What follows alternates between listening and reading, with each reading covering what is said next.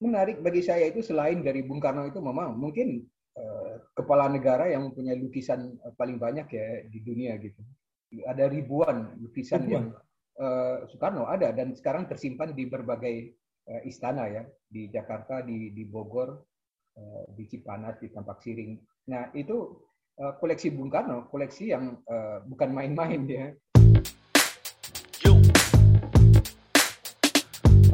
Negara demokrasi penuh dengan histori Berbagai cerita kadang masih jadi misteri Sejuk sejarah unik kompas Dengan berisi mengupas tuntas dengan lepas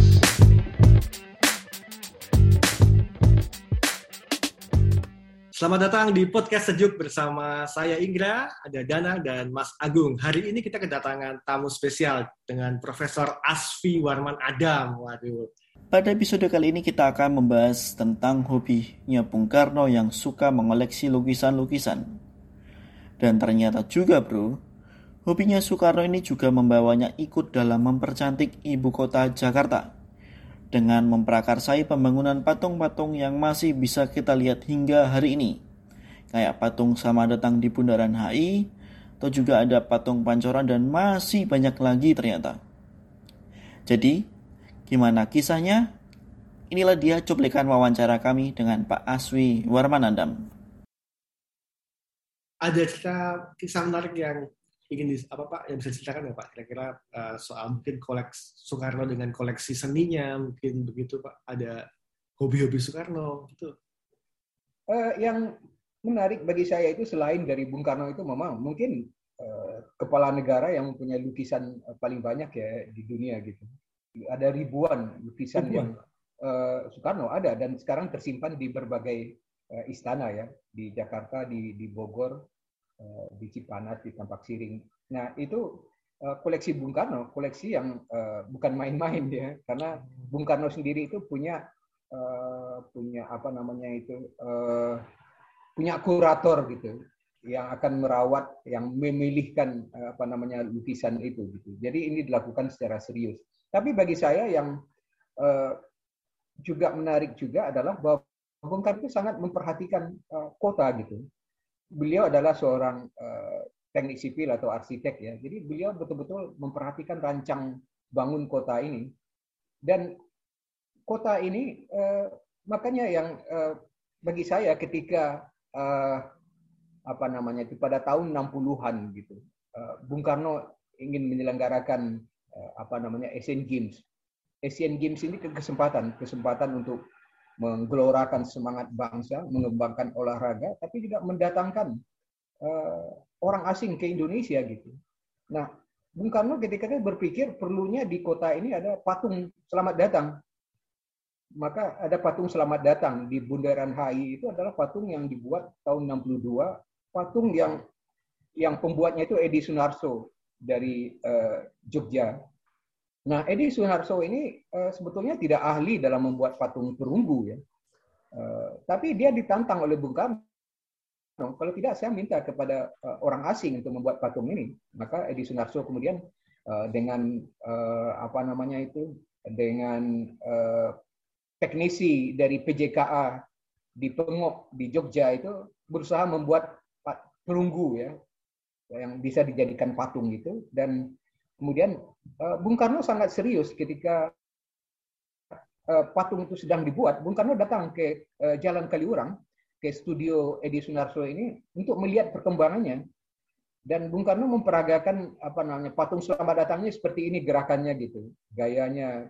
Dan terlihat betul bahwa Bung Karno betul-betul patung selamat datang ini merupakan ya apa namanya itu patung yang melambangkan Indonesia ini mengucapkan selamat kepada uh, para atlet yang akan datang dari bandara. Jadi patung selamat datang itu arahnya ke Kemayoran, ke bandara Kemayoran. Jadi selamat datang kepada atlet orang asing yang akan berlaga di Indonesia.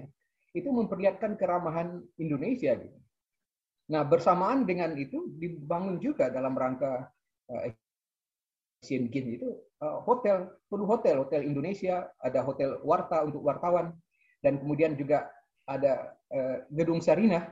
Gedung Sarinah itu tempat uh, seharusnya produksi dalam negeri itu bisa dipasarkan di di sana gitu. Dan uh, itu yang di, di, di, dilakukan gitu dengan dengan sadar gitu bahwa patung itu sangat sangat penting juga bagi Bung Karno gitu untuk menyampaikan pesan. Bung Karno juga meminta kepada Edi Sunarso itu membuat patung pembebasan Irian Barat. Dan kita lihat sendiri patungnya itu menggambarkan betul ya kita rantai itu dipatahkan gitu bahwa kita harus membebaskan uh, Irian Barat. Dan kemudian yang ketiga ada patung juga yang dibuat oleh Edi Sunarso yang menarik adalah patung uh, Dirgantara di Pancoran. Patung yang menggambarkan uh, sebetulnya Gatot Gajah yang akan terbang ke, ke angkasa unik, gitu. Uh, unik karena patung itu sebetulnya idenya dari Bung Karno itu uh, setelah bertemu dengan Yuri Gagarin. Oh, ya. Bung Karno sangat mengagumi ada orang dari Uni Soviet yang mampu keluar angkasa ketika itu. Dan Bung Karno ingin juga supaya pemuda-pemuda Indonesia itu seperti Yuri Gagarin itu bisa oh. tembus ke ruang angkasa. Dengan kata lain, Bung Karno itu ingin menyampaikan uh, kepada para pemuda itu gantungkan cita-citamu itu uh, setinggi langit gitu. Nah itu yang di pesan yang ingin disampaikan Bung Karno di dalam membuat patung Dirgantara itu. Nah patung Dirgantara itu adalah patung yang uh, pembuatannya itu tidak diresmikan oleh siapa-siapa gitu, karena terjadi dalam masa peralihan uh, tahun 65 terjadi peralihan kekuasaan dan patung itu sudah dikerjakan oleh Edi Sunarso. Kemudian patung itu belum selesai dan Edi Sunarso menemui Bung Karno dan Bung Karno mengatakan selesaikan patung ini dengan akhirnya menjual mobil Bung Karno yang laku ketika itu 1.750 rupiah dan itu digunakan untuk melanjutkan pembuatan uh, patung. Jadi dengan uang pribadi gitu. Uh, patung itu dibuat gitu, patung Dirgantara itu. Nah, soal itu, Pak, maaf, kalau soal-soal karya seninya Bung Karno lukisan tadi itu sebenarnya yang miliki sekarang siapa, Pak? Itu dihibahkan atau dulu cepat dijual oh, lelang? Enggak.